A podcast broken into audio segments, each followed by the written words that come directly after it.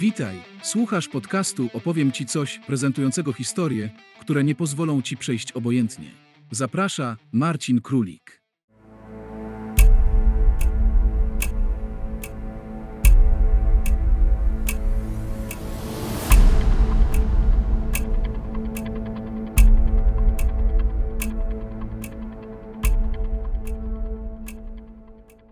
Nieuniknione. Odcinek dziewiąty.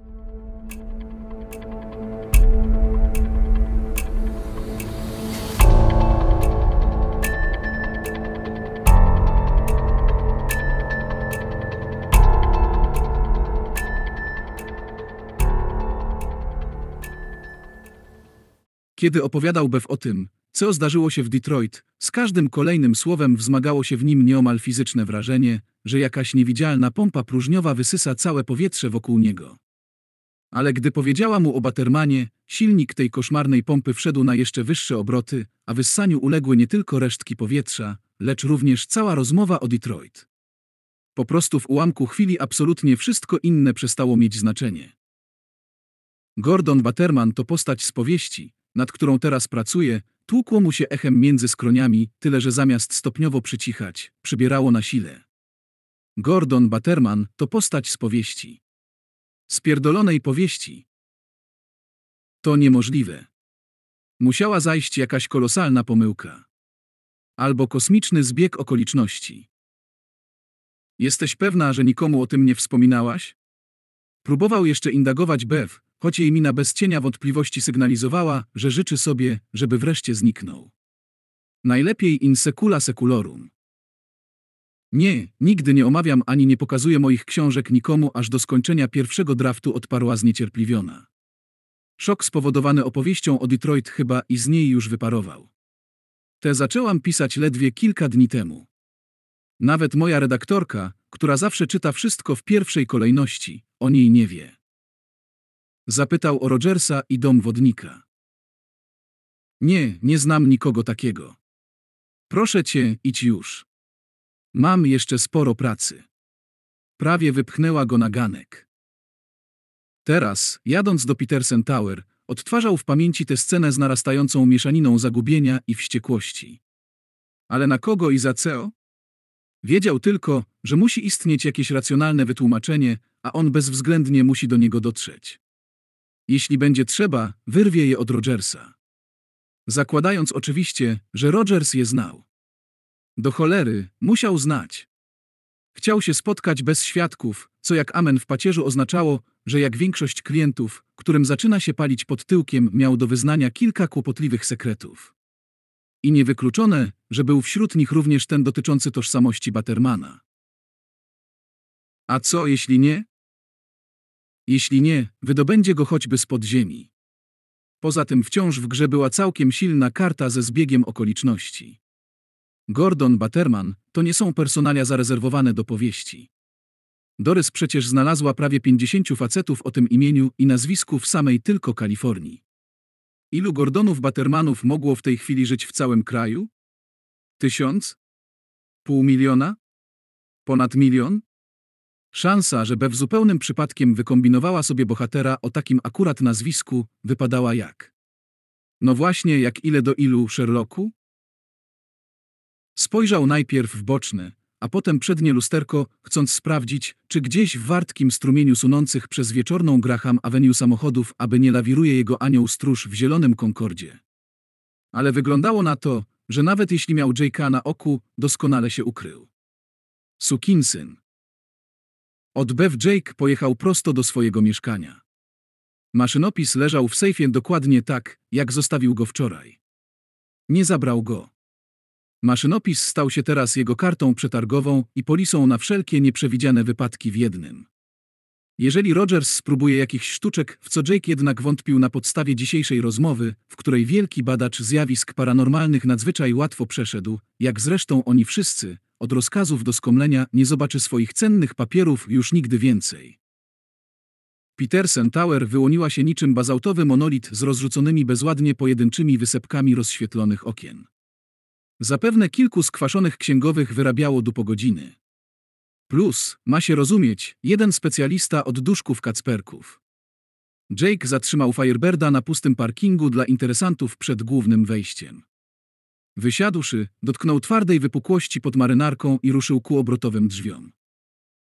Po holu przechadzał się znudzony strażnik, jego kumpel prawdopodobnie zaszył się w kanciapie z monitorami i przysypiał. Rogers uprzedził o wieczornym gościu, więc Jake uniknął kłopotliwych pytań. Zdawkowo kiwnął ochroniarzowi na jego w porządku i skierował się ku windom. Wybrał tę samą, której użył, gdy był tu poprzednio. W kabinie znów stanął oko w oko ze swoim lustrzanym sobowtórem. Ze szramą na policzku sprawiał wrażenie jeszcze dzikszego i bardziej głodnego. A właściwie nieobliczalnego. Czy tak postrzegali go ludzie? Tak widziała go Dorys albo Bev.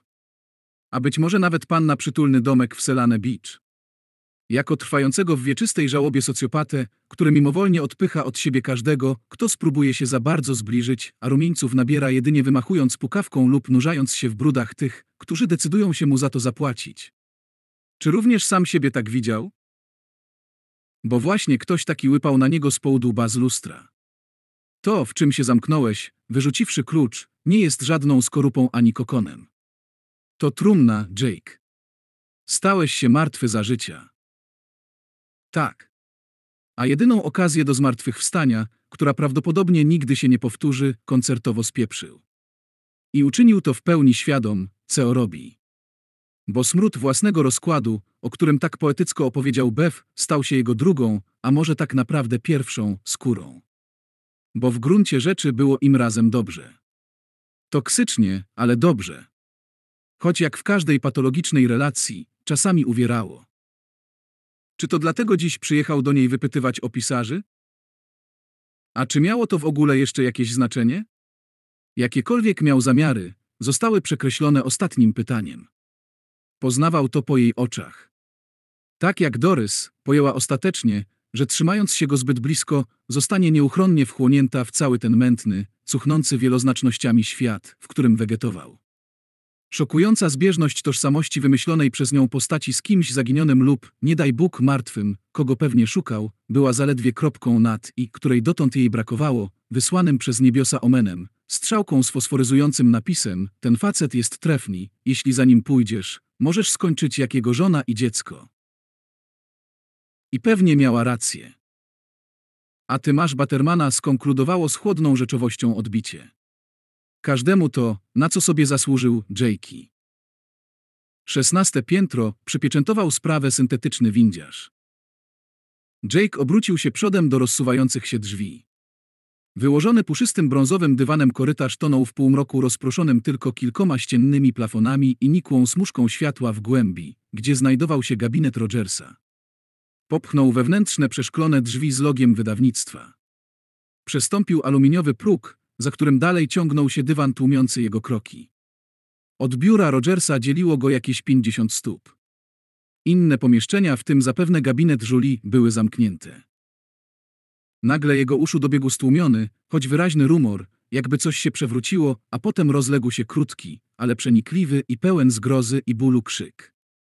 Krzyczał mężczyzna. Jake zareagował natychmiast. Jednym błyskawicznym ruchem, zupełnie jakbyś był na to przygotowany, prawda? Jakbyś gdzieś podświadomie to przewidział, wyrwał z kabury kolta i puścił się pędem w stronę światła, odbezpieczając broń. Do uchylonych drzwi gabinetu Rogersa miał jeszcze najwyżej dziesięć kroków, gdy ze środka wypadła mroczna postać i od razu ruszyła prosto na niego. Zdążył tylko zobaczyć podrywające się kolano, po czym potężny kopniak wybił jego rękę w górę. Na szczęście udało mu się nie wypuścić broni. Siła kopnięcia oraz zaskoczenia była jednak tak duża, że zatoczył się na ścianę. Nim napastnik przypuścił kolejny atak, Jake zdążył mu się przyjrzeć, przynajmniej na tyle, na ile pozwalało światło z biura. Był to szczupły mężczyzna około 1,90 m, w spranych dżinsach, zamszowej kurtce z postawionym kołnierzem, skórzanych rękawiczkach na dłoniach i o doskonale nijakiej twarzy nikogo. Mógł równie dobrze mieć 30, jak i 40 kilka lat. I najprawdopodobniej poruszał się po mieście metalicznie zielonym Concordem. Jake nie zdążył go jednak o to zapytać, bo dostał obciągniętą w czarną, połyskliwą skórę pięścią w dolną szczękę. Poczuł w ustach miedziany posmak ciepłej krwi, a w miejscu uderzenia palący i rozchodzący się promieniście do szyi ból. Dzwoniło mu w uszach. Musiał chwilę walczyć z własnym ciałem o utrzymanie równowagi. Napastnik wykorzystał ten moment. Okrążył znajdujący się na prawo róg i rzucił się do ucieczki wzdłuż węższego korytarza, biegnącego prostopadle do głównego. Jake uniósł rewolwer i strzelił na oślep. Pocisk wyrwał kawałek tynku, podnosząc tuman pyłu. Tamten podskoczył, jakby przesadzał niewidzialny sznur i omal się nie wywrócił, ale biegł dalej. Jake, z ustami pełnymi krwi, na dodatek podejrzewając, że tamten złamał mu któryś z bocznych zębów, ruszył w pogoń. Strzelił jeszcze raz, celując w udo uciekającego. Tamten znów się zachwiał, ale nie przestał biec. W tej części korytarza nie paliły się żadne lampy, więc im bardziej oddalali się od biura Rogersa, tym mniej Jake widział. Zdołał jednak dostrzec jarzące się w ciemności fosforescencyjne strzałki, które wskazywały drogę do wyjść ewakuacyjnych. I rzeczywiście po kilku metrach dotarli do kolejnego zakrętu, za którym zamajaczyły schody. Stój, skurwielu! Ryknął Jake i oddał trzeci strzał. Huk grzmotnął zwielokrotnionym przez klatkę schodową echem. Sypnęło iskrami, kiedy kula odbiła się od metalowej barierki. Zamigotały uruchomione przez fotokomórkę jarzeniówki. Mężczyzna w zamszowej kurtce zatrzymał się. Ręce! Nakazał Jake, nadal trzymając go na muszce. Ale tamten tylko stał w lekkim rozkroku, z rękami luźno opuszczonymi w dół. Podnieś je, spryciarzu! Rzucił ponownie Jake. Tamten nie zareagował. Tymczasem jarzeniówki jedna po drugiej zaczęły się zapalać. Nawet nie próbuj! Ostrzegł Jake, domyślając się, że właśnie tędy, prawdopodobnie przez podziemny parking dla pracowników, napastnik musiał się dostać do wnętrza budynku, a następnie schodami wdrapał się na szesnaste piętro. Jake miał nadzieję, że ochroniarze albo któryś z rozsianych po budynku biurowych wyrobników, zaalarmowanych hukiem strzałów, wezwali gliny.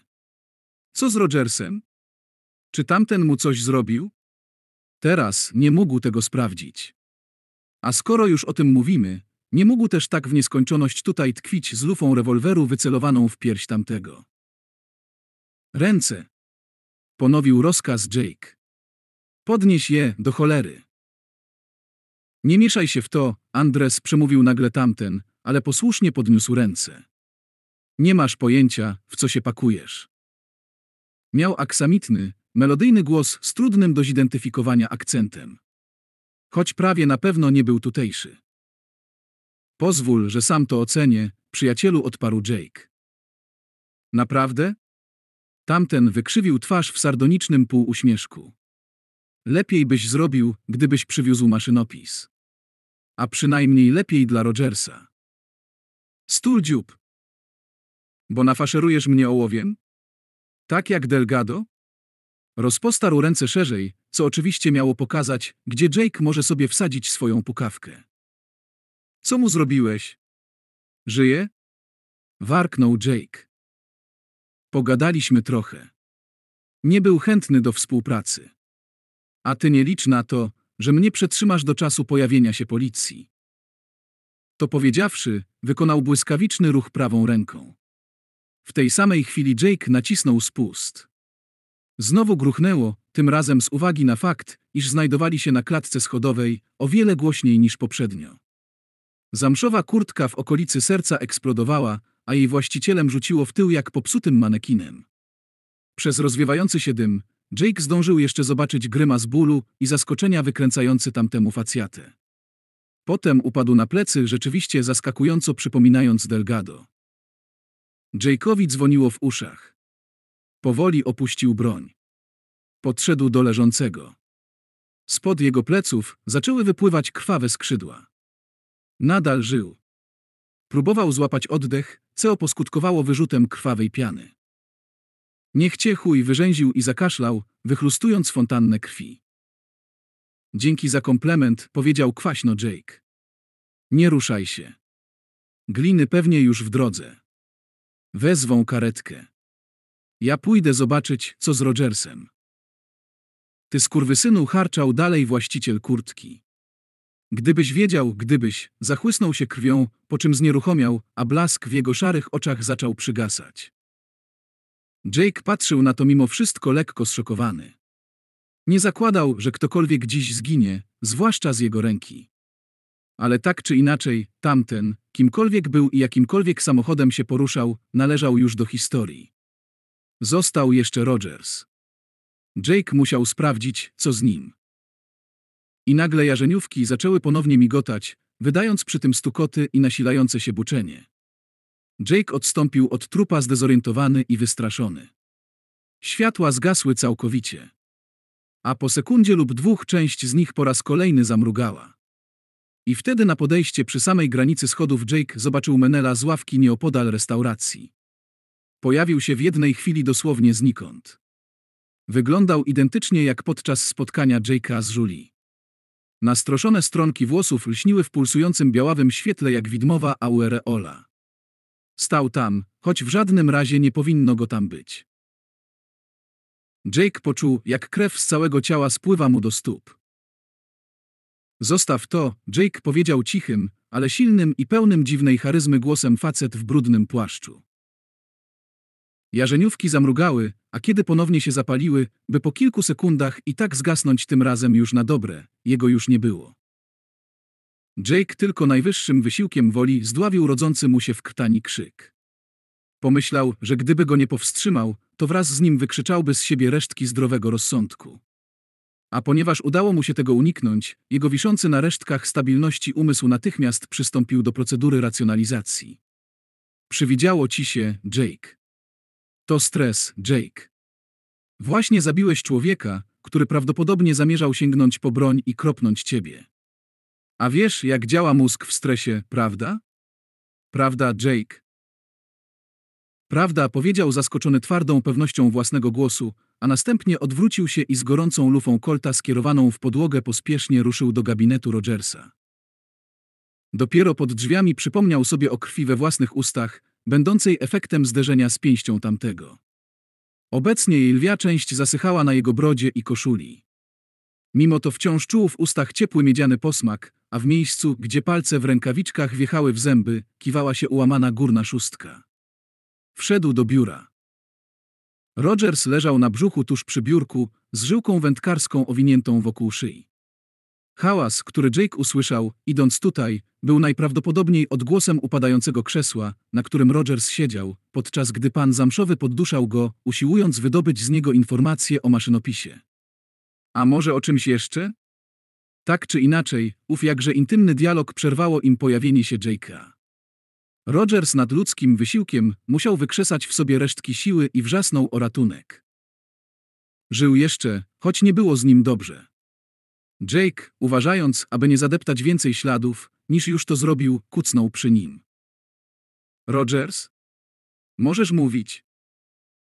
Tamten zarzęził bardzo podobnie jak jego dręczyciel w ostatnich sekundach swojego życia i zdołał wydusić tylko jedno słowo – serce. Zaraz powinny tu być gliny, wytrzymaj, powiedział Jake. Zaciśnięte palce prawej dłoni Rogersa rozkurczyły się nieznacznie i zaczęły orać po pokrywającym podłogę chodniku niczym szpony sępa. Jednocześnie cały czas próbował chwytać powietrze. Jake ponownie kazał mu się nie ruszać. Ale Rogers jakby go nie słyszał. Nadal młócił paznokciami po chodniku. I nagle Jake pojął. O co chodzi? Co chcesz napisać? Rogers zacharczał, próbując uformować jakieś słowo. Jednak nie dał rady. Wstrząsnęło nim. Dłoń jeszcze raz przesunęła się po chodniku. Ale już nie starał się przekazać żadnej wiadomości. Po prostu chaotycznie wczepiał się w szybko uciekające życie. Co zresztą też mu się nie udało. Targnął nim ostatni dreszcz, po którym zwiotczał. Było po nim. Jake powoli dźwignął się z kucek. Nogi mu drżały. Prawą dłonią, w której cały czas trzymał kolta, starł z czoła grube krople tłustego potu. Rozejrzał się w poszukiwaniu czegokolwiek, co mogłoby stanowić wskazówkę, ale nie znalazł nic. Pominąwszy przewrócone krzesło i zwłoki na podłodze, w gabinecie panował nienaganny porządek. Na biurku stała gościnna popielniczka, którą Rogers podsunął Jake'owi, gdy rozmawiali pierwszy raz. Poza tym nic, a zwłaszcza żadnych notatek, które mógłby spróbować odczytać bez konieczności dotykania ich. A może coś było i tamten to zabrał? Jeśli nawet, to i tak nie mógłby go przeszukać, jeśli nie chciał zadrzeć z policją. A nie chciał. I bez tego miał narastające z każdą chwilą wrażenie, że przekroczył jakąś czerwoną linię. Zostaw to, Jake. I nie, do cholery, nie widział na schodach żadnej zjawy wyglądającej jak oberwaniec z ławki na skwerku. A zbieżność nazwiska wymyślonej przez B w postaci z prawdziwym lub nie, nazwiskiem faceta, którego szukał i którego znajdzie, co do czego miał dokładnie taką samą pewność jak odnośnie do tego, że prędzej czy później spojrzy w oczy swojemu aniołowi stróżowi, choć niekoniecznie tego, że położy go trupem, był gargantuicznym zbiegiem okoliczności. I niczym więcej. Nigdy w to nie wątp, Jake. Jego uszu dobiegło dalekie niczym pogłos dawno wymarłej galaktyki i stłumione przez zamknięte okno wycie syren nadjeżdżających radiowozów.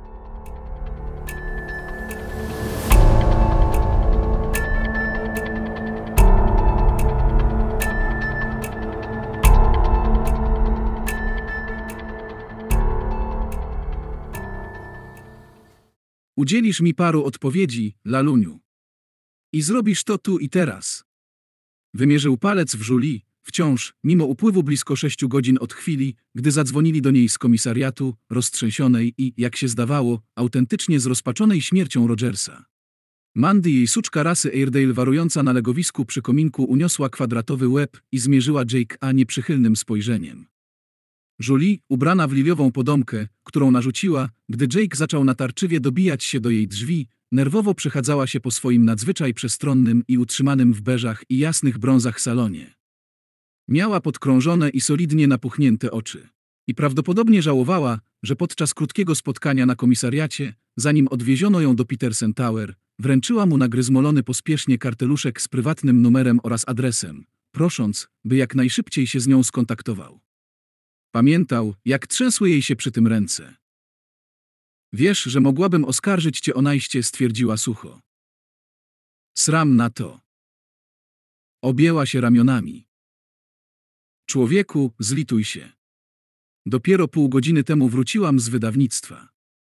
Gliniarze i ludzie z prokuratury zrobili tam istny kocioł. Chyba tylko wykładziny z podłóg nie pozrywali. Jeszcze. Opadła na obity poliestrem fotel. Mandy natychmiast poderwała się z legowiska i podreptała do swojej pani, okazując ostentacyjną obojętność intruzowi.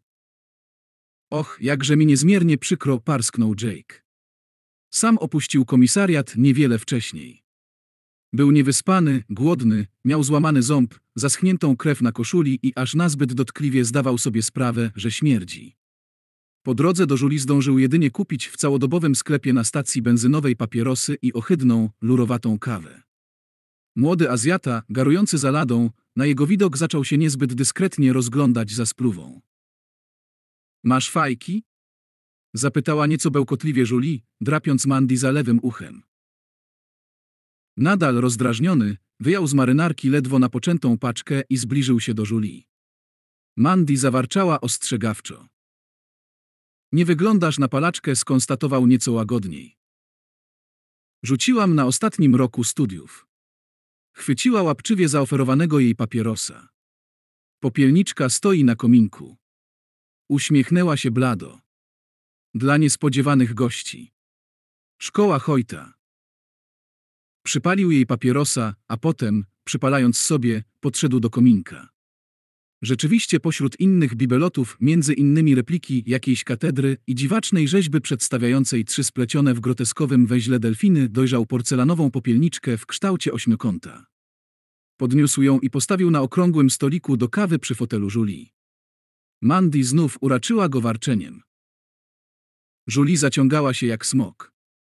Nieomylny znak, że od dziś popielniczka przestanie służyć tylko palącym gościom. A tak z czystej ciekawości, co właściwie trzeba studiować, żeby potem zajmować się tymi waszymi czarami marami? Psychologię. Strząsnęła popiół. Dłoń jej drżała. To tam poznałaś Rogersa? Tak. Początkowo byłam jego asystentką. Nauczył mnie wszystkiego. Wciągnął mnie w ten świat i był w nim moim przewodnikiem. Był wspaniałym człowiekiem, Jake. Cały ten wywód wygłosiła na monotonnym, jednostajnym rejestrze człowieka u kresu sił. Wzięła następnego macha. Wiedzą coś o tym bandycie, który go udusił? Nie, odrzekł Jake. Nie miał przy sobie żadnych dokumentów. Może dojdą do czegoś po odciskach albo uzębieniu, ale to musi potrwać. A jeśli nie jest nigdzie notowany, sprawy się dodatkowo skomplikują. A tego, że przyjemniaczek w zamszowej kurtce nie miał kartoteki, Jake był dziwnie pewien. Postanowił jednak nie dzielić się tym spostrzeżeniem z Julie. Podobnie jak dla siebie zatrzymał informację, że metalicznie zielony Concorde, którego policjanci rzeczywiście znaleźli na podziemnym parkingu, figurował w bazie pojazdów kradzionych. W środku zresztą także nie trafili na nic, co zdradziłoby tożsamość mordercy. Detektyw Rayleigh, który skojarzył Jake'a ze sprawą z Bouzman, co na dzień dobry kupiło Jake'owi kilka punktów, powiedział mu, że wóz przejdzie badania laboratoryjne, niedwuznacznie sugerując, że mógłby puścić farbę w kwestii wyniku, gdyby Jake'owi na tym zależało. No dobra, mała, koniec konferencji, zmienił front. Nie mów do mnie w ten sposób. Żachnęła się. Kiedy wczoraj jadłem obiad, moje plany na wieczór nie uwzględniały strzelnicy, więc nie mów mi, co mam robić, odgryzł się.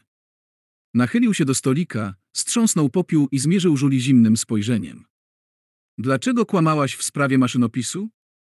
W restauracji dawałaś mi wyraźnie do zrozumienia, że Rogers aprobuje przekazanie mi go. I obyś miała dobre wytłumaczenie. Zbladła, a dłoń, w której trzymała papierosa, zaczęła dygotać jeszcze bardziej. Minęła spora chwila, zanim się odezwała. Więc, więc nic nie poczułeś?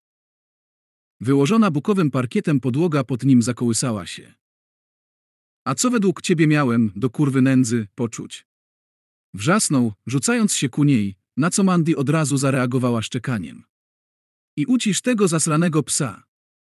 Bo jak nie, pozna smak moich butów. Mandy kruszynko przemówiła do suczki, usiłując opanować drżenie głosu, po czym ujęła psi łeb w obie ręce i zaczęła drapać Mandy pod pyskiem. Zwierzę wciąż gotowało się z wściekłości, ale przynajmniej się zamknęło. Spojrzała na Jake'a ni to z wyrzutem, ni to ze strachem. To, co zawsze czujesz, kiedy dotykasz różnych rzeczy, powiedziała z niespodziewanym spokojem, który go zmroził. To dlatego zaryzykowałam i dałam ci maszynopis, choć wiedziałam, że Hoyt nie będzie zadowolony. Jake wrzucił do popielniczki niedopalonego papierosa, odsunął się od Julie, jakby mogła go czymś zarazić, opadł bezwładnie na obitą takim samym poliestrem jak fotel sofę i ukrył nabrzmiałą zmęczeniem twarz w dłoniach. Nagle poczuł się, jakby przejechał po nim czołg. W końcu odjął dłonie od twarzy. Spojrzał na zasłonięte okno, za którym coraz wyraźniej budził się nowy dzień. Wy oboje jesteście rąbnięci, orzekł głucho. To znaczy, byliście, poprawił się. Teraz zostałaś już tylko ty. Dlaczego tak bardzo temu zaprzeczasz? Padło z fotela. W głosie Żuli zabrzmiał ten sam twardy, lodowaty spokój. Przejmowała kontrolę nad sytuacją i wiedziała o tym. Naprawdę wydaje ci się, że wybraliśmy cię przypadkowo? Że po prostu wzięliśmy książkę telefoniczną, wskazaliśmy palcem na chybił trafił i wypadłeś akurat ty? Zanim Hoyt zadzwonił do twojej agencji, wnikliwie cię sprawdził. Zresztą miał cię na oku już od czasu Redwood. Jake odchylił głowę w tył i przymknął powieki. Przestrzenie między nimi i gałkami ocznymi natychmiast wypełniły się kłującym piachem. Hoyt rozmawiał z kilkoma twoimi byłymi klientami, mówiła tymczasem Julie. Jej słowa dobiegały do niego z bardzo daleka, a mimo to wbijały mu się w czaszkę jak kolce cierni. Wszyscy byli zgodni, że stracili nadzieję i zwrócenie się do prywatnego detektywa było dla nich czymś w rodzaju uspokojenia własnego sumienia, że zrobili wszystko, co tylko się dało i wykorzystali każdą deskę ratunku. Wiesz, że ludzie w takiej sytuacji często udają się po pomoc do jasnowidza? Pamiętasz panią Mix? Tę, której mąż zginął w Appalachach zabity przez niedźwiedzia? Zanim przyszła do ciebie, była u jednego sławnego i mającego całkiem niezłe rezultaty w szukaniu zmarłych jasnowidza. Wyciągnął od niej kupę forsy, ale nic nie wskurał. Dopiero ty. Proszę, jęknął Jake bezradnie. Co to było, Jake? Jego koszula, którą zawsze ubierał do kościoła? Bluza, którą lubił zakładać do majsterkowania? A może nawet tego nie potrzebowałeś, Ceo? Może wystarczyło, że po prostu pobyłeś chwilę w jego naturalnym otoczeniu. I nagle, nie wiadomo skąd, nie wiadomo jak, w twojej głowie zaczęły się pojawiać pewne kropki, a potem pomysły, jak je połączyć. Mam rację, Jake. Tak to przebiegało? Nie odpowiedział. A wiesz, ciągnęła bezlitośnie, że według badań Hojta ludzie obdarzeni tego typu zdolnościami dzielą się na dwie kategorie? Do pierwszej zaliczają się ci, którzy się z nimi urodzili. Jako dzieci w niewytłumaczalny sposób potrafili zawsze znajdować zgubione klucze czy pieniądze. Albo znali myśli dorosłych wokół. Jest taka sprawa z lat 50. W pewnym miasteczku w Wisconsin trzyletni dzieciak wywołał skandal, kiedy najniewinniej w świecie zdemaskował pozamałżeńskie wybryki żony tamtejszego fryzjera. Hoyt tam pojechał. Było tam jeszcze sporo ludzi, którzy to pamiętali. Podobno jakiś czas później ten sam dzieciak pomógł szeryfowi znaleźć ciało zamordowanej dziewczynki. Szkoda, że Hoytowi nie udało się go namierzyć. Po tym, jak jego rodzice zginęli w pożarze, zapadł się pod ziemię. Druga grupa to ludzie, u których obszary mózgu odpowiedzialne za tak zwaną percepcję pozazmysłową, uśpione u większości z nas, zostały aktywowane w wyniku jakichś traumatycznych doświadczeń, ciężkich urazów neurologicznych, wypadków, a czasem nawet udarów, kiedy funkcje zniszczonej części mózgu przejmuje inna, w której te umiejętności akurat się znajdują. Często takie pobudzenie poprzedza DWPC. Zawiesiła głos, najwyraźniej mając nadzieję, że Jake poprosi o rozszyfrowanie skrótu. Gdy tego nie zrobił, skończyła sama. Doświadczenie wyjścia poza ciało, Jake. Śmierć kliniczna, tunel ze światełkiem na końcu. Musiałeś o tym słyszeć. Dość często ludzie po powrocie z tego stanu zaczynają wykazywać Pepe. Woda. Wdziera się. Zaraz wleje mu się do ust, zaraz to się skończy. Tylko dlaczego to cholerne ciało wciąż walczy? Dlaczego wstrzymuje oddech? A potem. To było tak, jakbym jednocześnie przebywała w tej śmierdzącej komórce i z nimi, rozumiesz? Tak, rozumie. Rozumie o wiele lepiej, niż by sobie życzył. Miasto pełne ludzi bez twarzy. Miasto, teraz niemal to wie, z przyszłości. Widzi przyszłość. Przyszłość, w której ludzie w tym mieście, ale prawdopodobnie także i na całym świecie są zmuszeni nosić maski ochronne? Bo coś się stało. Coś naprawdę, naprawdę dużego. Coś. Jest tu i tam. Prawie jak ten włoski zakonnik, o którym kiedyś coś przypadkiem obiło mu się o uszy. To ma śmieszną nazwę, na B. Te pieprzone wymuskane słówka. Kto to wszystko wymyśla? Bew pewnie by wiedziała. Woda. Wlewa się, napiera. Cuchnie błotem i zdechłymi rybami. To, że wtedy wydostałeś się z waszego samochodu, zakrawało na cud, dorzuciła bezlitośnie Julie. Musiałeś być na skraju życia i śmierci. Właśnie w takich sytuacjach bardzo często następuje DWPC. Być może miałeś też niedotleniony mózg.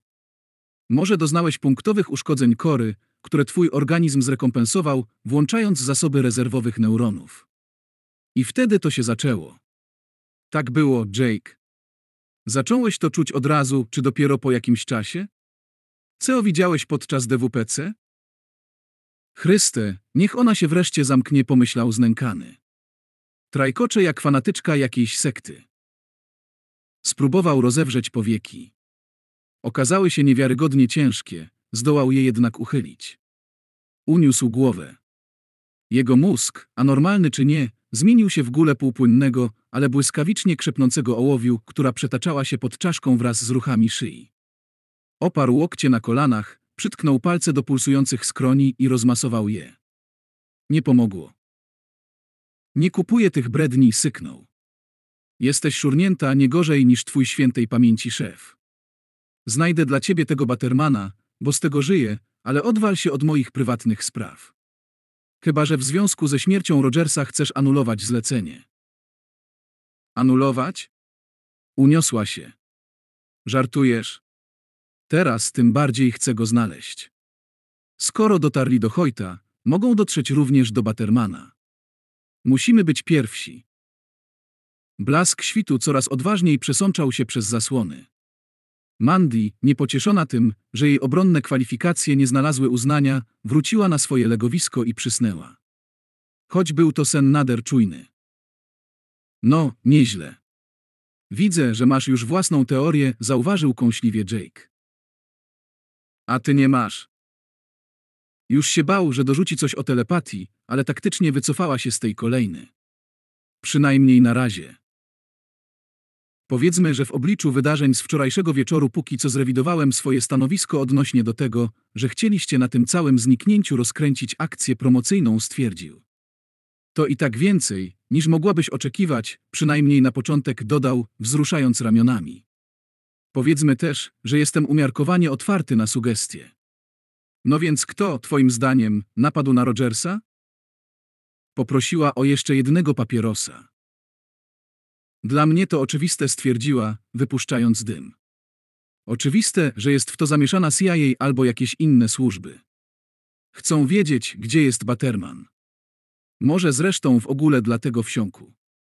Bo zorientował się, że ktoś od wuja sama zaczyna deptać mu po piętach. Czytałeś jego proroctwa na nadchodzącą dekadę. Założę się, że tak. Na pewno nie mogłeś się powstrzymać. Wątpisz w to, że się spełnią? Wątpisz w zamachy z 11 września 2001? No, powiedz, po tym wszystkim, co się stało, nadal masz wątpliwości? Nawet biorąc poprawkę na twój, że tak go eufemistycznie określę, sceptycyzm wobec Pepe? Zmierzwił brodę. Skrzywił się z obrzydzeniem, gdy opuszki natrafiły na zaschnięte i wplątane w zarost grudki krwi. Sam już nie wiem, co mam myśleć, przyznał. Skoro komuś, załóżmy roboczo, że to są rzeczywiście ludzie z jakichś agencji rządowych, tak strasznie zależy na Batermanie, to czemu ten przyjemniaczek z żyłką nie spróbował zabrać mi maszynopisu? Na to też masz jakąś wielce błyskotliwą teorię? Nie jest powiedziane, że jeszcze nie spróbują odparła, a Jake, ku własnej frustracji, musiał się z nią zgodzić. Chociaż wydaje mi się, że maszynopis ma dla nich mniejsze znaczenie niż sam Baterman. Być może chcą go wykorzystać, wprząc do któregoś ze swoich super tajnych programów szpiegowskich albo licho jedno wie, do czego jeszcze. Hola. Rozłożył ręce. Nie skręcamy tu zanadto w stronę spiskowych wizji świata? Zaraz na serio zaczniemy rozważać udział w tej haecy latających spotków i jajogłowych kosmitów porywających bydło. A dlaczego mielibyśmy tego nie robić? Zaripostowała natychmiast Żuli z mocą. O tym, że rząd nieoficjalnie interesuje się percepcją pozazmysłową, mówi się od dawna. Sowieci to badali, więc czemu nie my? Słyszałeś o projekcie MK Ultra?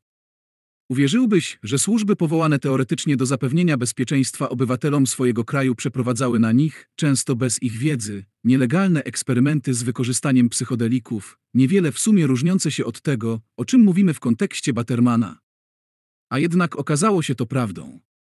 Były przesłuchania w kongresie. Jake podniósł się z nieprzyjemnym chrupnięciem stawów, następnie przeszedł się kilka razy po salonie, podskubując brodę. Julie uważnie go obserwowała. O skandalu wokół dziwnych badań z udziałem CIA rzeczywiście słyszał. Było o tym dość głośno, kiedy jeszcze służył w policji, ale nigdy specjalnie się tym nie interesował. Zabawy grubych ryb w Waszyngtonie toczyły się gdzieś tam, daleko. Tu, czyli w Detroit, były piętnastolatki na głodzie, które potrafiły wpakować ci kulkę albo nóż pod żebra, żeby mieć na kolejną działkę. No i oczywiście goście pokroju Roberta Linstona Edglera.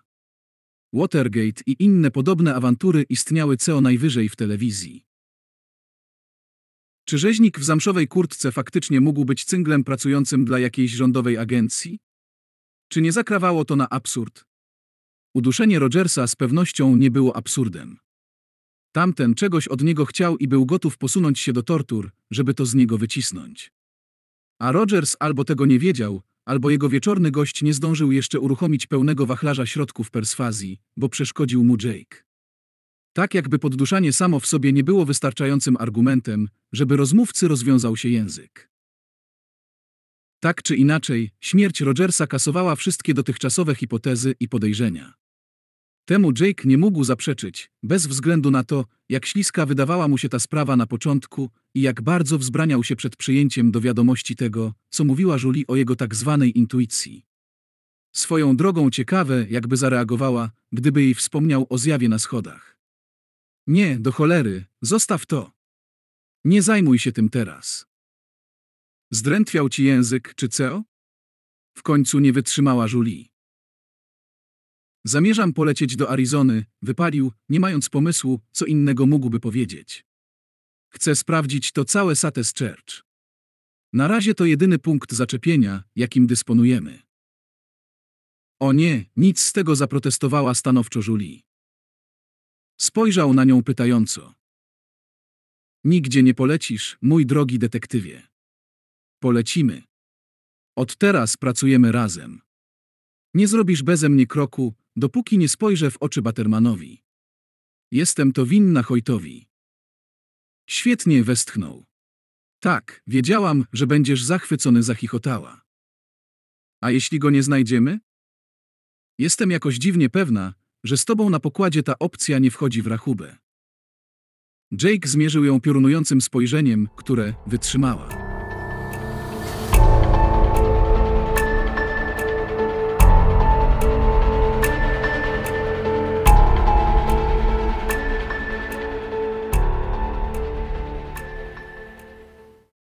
Pierwszy samolot, w którym znalazły się dwa wolne miejsca, odlatywał do Tucson dopiero o 17. Julie zabukowała bilety. Jake był tak zmęczony, a każda komórka jego organizmu tak dramatycznie domagała się snu, że wsiadając do Firebirda, nie miał nawet siły się bać, że może zakończyć jazdę na drzewie lub wprasowany w inny pojazd. Z Julie umówił się o wpół do piątej na lotnisku. Wbiwszy się w poranny ruch, musiał co chwila wstrząsać głową, żeby nie zerwał mu się film. Do siebie, na szczęście w jednym kawałku, dotarł kwadrans przed dziewiątą. Zrzucił brudne, przesiąknięte krwią i potem ubranie, wziął szybki gorący prysznic i zadzwonił do biura. Dorys jeszcze nie przyszła, więc zostawił jej na automatycznej sekretarce wiadomość, że przez kilka najbliższych dni znów go nie będzie i żeby odpuściła sobie dalsze szukanie Gordonów Batermanów. A poza tym jak zwykle, mała, pilnuj interesu, żeby twój przebojowy szef miał do czego wrócić po kolejnej awanturze, w którą dał się wrobić za parę marnych dolców. Odezwę się, kiedy będę mógł. Aha, i tym razem postaram się nie zostać gwiazdą wieczornych serwisów. Słowo harcerza. Odkładając słuchawkę, pomyślał, że zabrzmiało to jakoś niezręcznie. Jak chwała niech będzie wymuskanym słówkom, omen. Czyżby już zaczynał przejmować styl rozumowania panny przytulny domek oraz jej walniętego, a od kilku godzin nieodwołalnie sztywnego, szefa. Dotknij mnie, Jake. Co to było, Jake? Jego koszula, którą zawsze ubierał do kościoła? Bluza, którą lubił zakładać do majsterkowania? A może nawet tego nie potrzebowałeś, CEO? Sprawa biednego pana Mixa utrwaliła się w pamięci Jake'a wyśmienitym smakiem kanapek z pestrami, musztardą i cebulą, które w nawoskowanych papierowych torbach przywiózł do rozbitego na prędce obozowiska pod Mount Howell zastępca szeryfa z położonego nieopodal miasteczka i elektryzującym powietrze wkurzeniem samego szeryfa oraz jego ludzi, których ten wymachujący licencją prywatnego detektywa dziwoląg wyciągnął w dzicz na całą przeraźliwie zimną noc, bo ubrdało mu się, że gdzieś tu musi się znajdować ślad gościa, którego szukał, a być może nawet on sam. Noc spędzili w przywiezionych razem z kanapkami puchowych śpiworach przy ledwie pełgającym ognisku, czekając na przewodnika z psami tropiącymi, który miał do nich dołączyć po południu, ale gdy po dwóch godzinach bezowocnych prób w końcu złapali go przez radio, okazało się, że zmogła go szkocka. Jake aż za dobrze zdawał sobie sprawę, że jeśli następnego dnia na nic nie natrafią, szeryf będzie gotów wsadzić go pod byle pretekstem i spuścić klucz w klołżecie. A jednak, wbrew logice i narastającemu sceptycyzmowi tych zziębniętych, szczękających zębami facetów, był dziwnie pewien, że poszukiwania zakończą się sukcesem. Mógł iść sam, ale podobnie jak w przypadku Bouzman zgrzeszył nadmiernym legalizmem i nieopatrznie zgłosił zamiar działania na terenie Mount Howell, co skończyło się zmontowaniem ekipy poszukiwawczej. W miarę upływu czasu coraz bardziej wpienionej i bynajmniej się z tym nie kryjącej.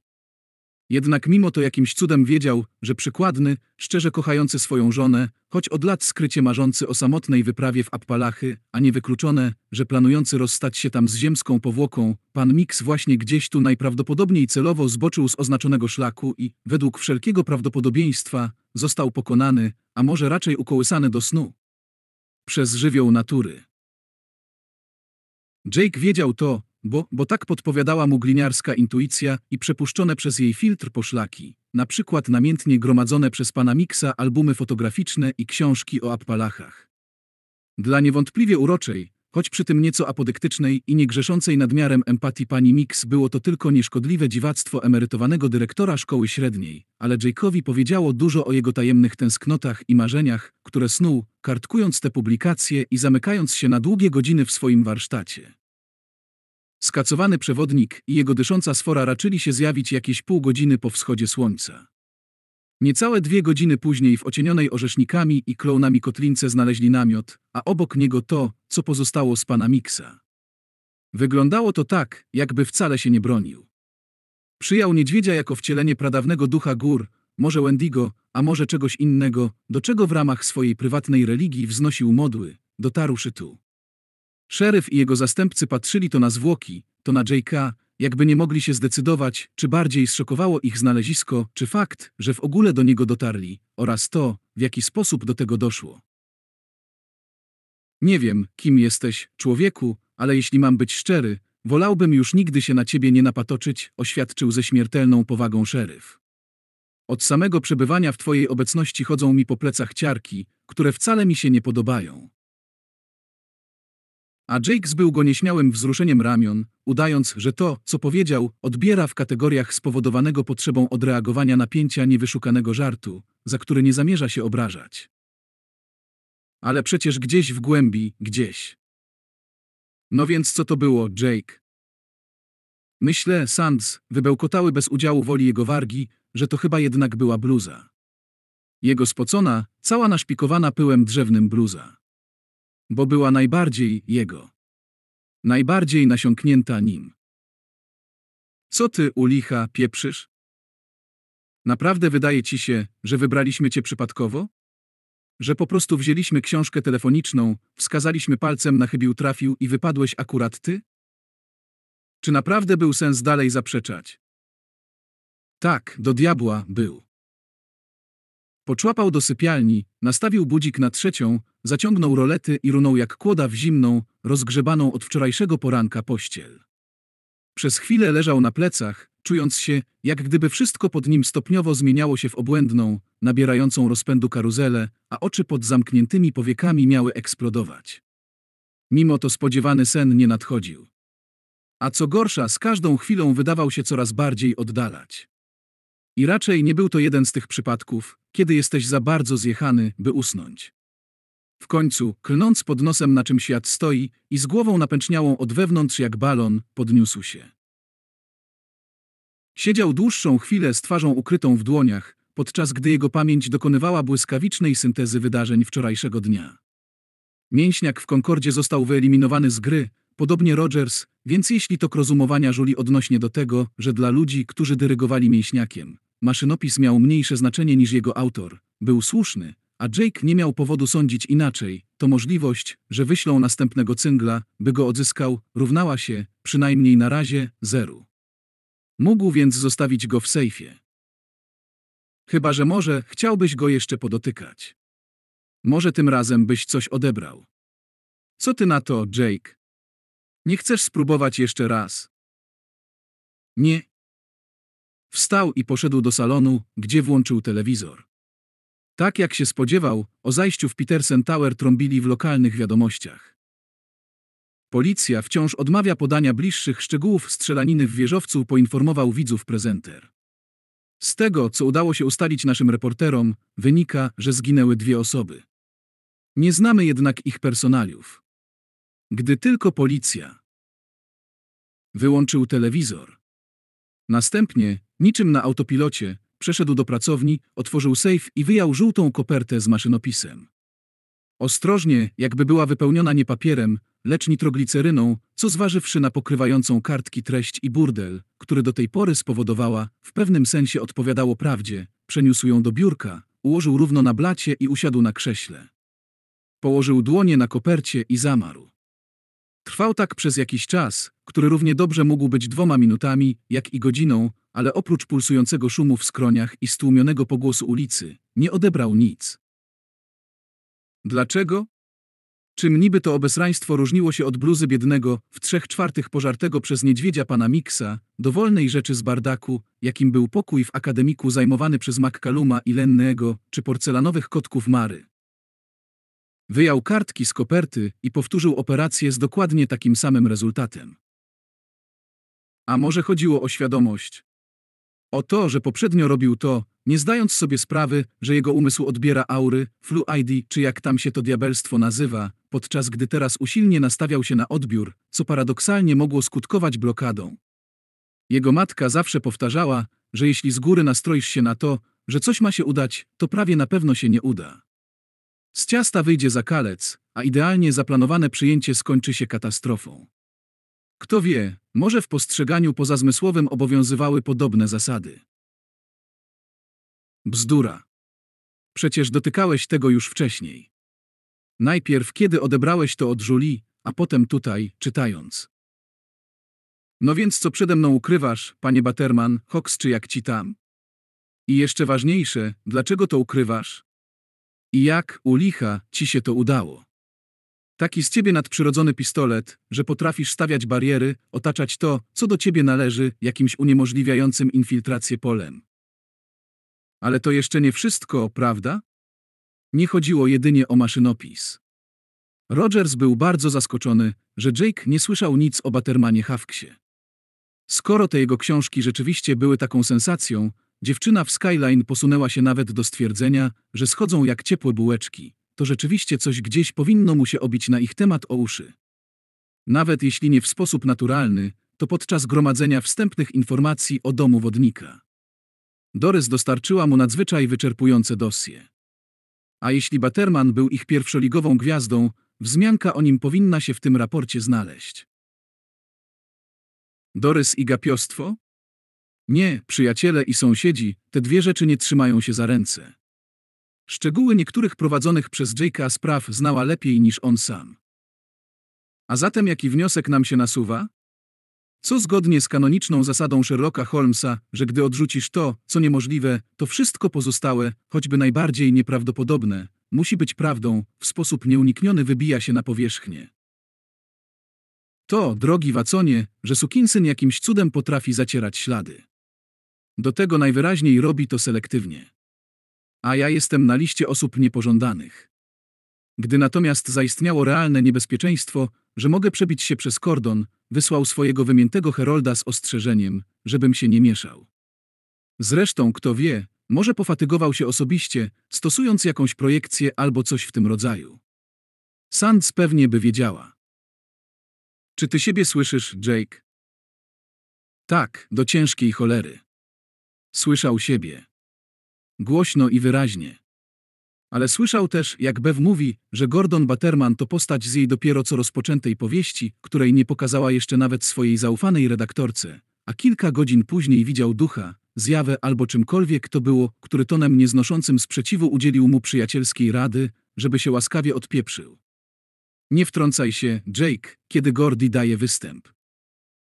Gordy wydyszał ledwie słyszalnie Jake, podczas gdy z jego ust na rozłożone papiery spłynęła stróżka śliny. Gordy, stary druchu, dlaczego nie chcesz, nie chcesz mnie wpuścić? Co tam ukrywasz? Wyżal się staremu Jake'emu. Będzie ci lepiej. Jego głowa opuszczała się coraz niżej. Już prawie szorował nosem po kartkach. Czarne maszynowe litery to się rozmywały, jak gdyby polano je substancją rozpuszczającą tusz, to znowu zaczynały skakać po całej powierzchni blatu niczym niesforne pchełki. Oddech stawał się coraz płytszy i coraz szybszy. Czuł, jak wali mu serce. Za chwilę róż sadzi mu klatkę piersiową. To nic takiego. To po prostu daje o sobie znać przemęczenie. Przemęczenie i stres ostatnich tygodni. Gdyby tylko mógł porozmawiać z Bev. Chociaż przez chwilę. Po prostu. Po prostu oprzeć się o nią jak o jedyny stały punkt zaczepienia w tej coraz bardziej rozłażącej się i topniejącej jak rozgrzany wosk rzeczywistości. Tylko, że ją odstawiłeś, pamiętasz? Co tam odstawiłeś, wykopałeś. A wraz z nią odciąłeś być może jedyną, ostatnią, kotwicę trzymającą cię przy twardym lądzie. Teraz będziesz już tylko płynął i płynął i... Nie mów mi nic o pływaniu, skurwielu. Ani jednego zasranego słówka o zasranym pływaniu, kapujesz? Ani jednego. Ale otchłań jeziora już się rozwierała. Dłonie zsunęły się z biurka i zwisły bezwładnie nad klepkową podłogą, powieki w końcu pokonały opór mięśni, a czoło i nos rozpłaszczyły się z głuchym stuknięciem o poplut kartki. Ale Jake tego nie zarejestrował. Jego coraz bardziej zapętlony umysł mknął w przypominającą zwężający się tunel, a może lejek wszystko jedno, mulistą głębinę, w której przez te wszystkie lata czekały kiwające pozbawioną już skóry głową zwłoki Kim. Zostały tylko te falujące włosy teraz dodatkowo z powkręcanymi w nie jak welon włóknami wodorostów. Chodź, Jake. Chodź, mam ci tyle do opowiedzenia. Chodź, weźmiemy drugi ślub i tym razem już naprawdę nic nas nie rozdzieli. Chodź. Obejmij mnie. O, właśnie tak. Mam tyle tajemnic czekających tutaj ze mną na odkrycie. Woda, a raczej zmieszana z trupim jadem ciecz, gestniała, zamykając go w sobie jak w kokonie. Lodowate, pokryte pleśnią i porośnięte glonami palce szkieletu jego żony, jego biednej, podziurawionej jak durszlak przez pewien ludzki cyklon żony, która wcale nie została pochowana w bukowej trumnie na cmentarzu Świętego Krzyża przy Ave, lecz cały czas czekała tutaj na niego, wpełzły czule między jego włosy, a następnie nacisnęły na znajdującą się pod nimi czaszkę tak mocno, że prawie dosłyszał trzask pękającej kości. Pomogę ci, Jake. Pomogę ci przełamać. Nie, proszę, nie. Ależ tak, skarbie. Kocham cię. Ciebie jedynego. Tak jak foczka swojego Toma. Mam klucz do magicznego kuferka pełnego sekretów, które muszę ci pokazać. Które ty musisz poznać, żebyś mógł zrozumieć. Ale co? Co mam zrozumieć? Przecież wiesz. Uwięzione pod zamkniętymi powiekami gałki oczne zatańczyły wariacko, jak kulki w bębnie upiornej ruletki. Prosimy obstawiać. Dziś każdy numer wygrywa. I znowu to przyprawiające o mdłości uczucie rozdwojenia. Znowu część jego jestestwa była dokądś przenoszona. Czyżby znowu do miasta przyszłości pełnego ludzi pozbawionych twarzy? Do miasta, w którym mieszka. Gordi. Nagie, lśniące od parującego w dusznym powietrzu potu ciało podrygiwało jak w ataku padaczki, a z ust wydobywały się udręczone jęki przypominające te, które wydawał z siebie Jack Nicholson w lśnieniu, gdy grany przez niego bohater śnił koszmar o ojcu, ale on sam przebywał już zupełnie gdzie indziej oraz, na litość boską, kiedy indziej i stawał się kimś innym. Wieko magicznego kuferka odskoczyło i stanęło otworem, zaś jego mentalnym oczom ukazał się.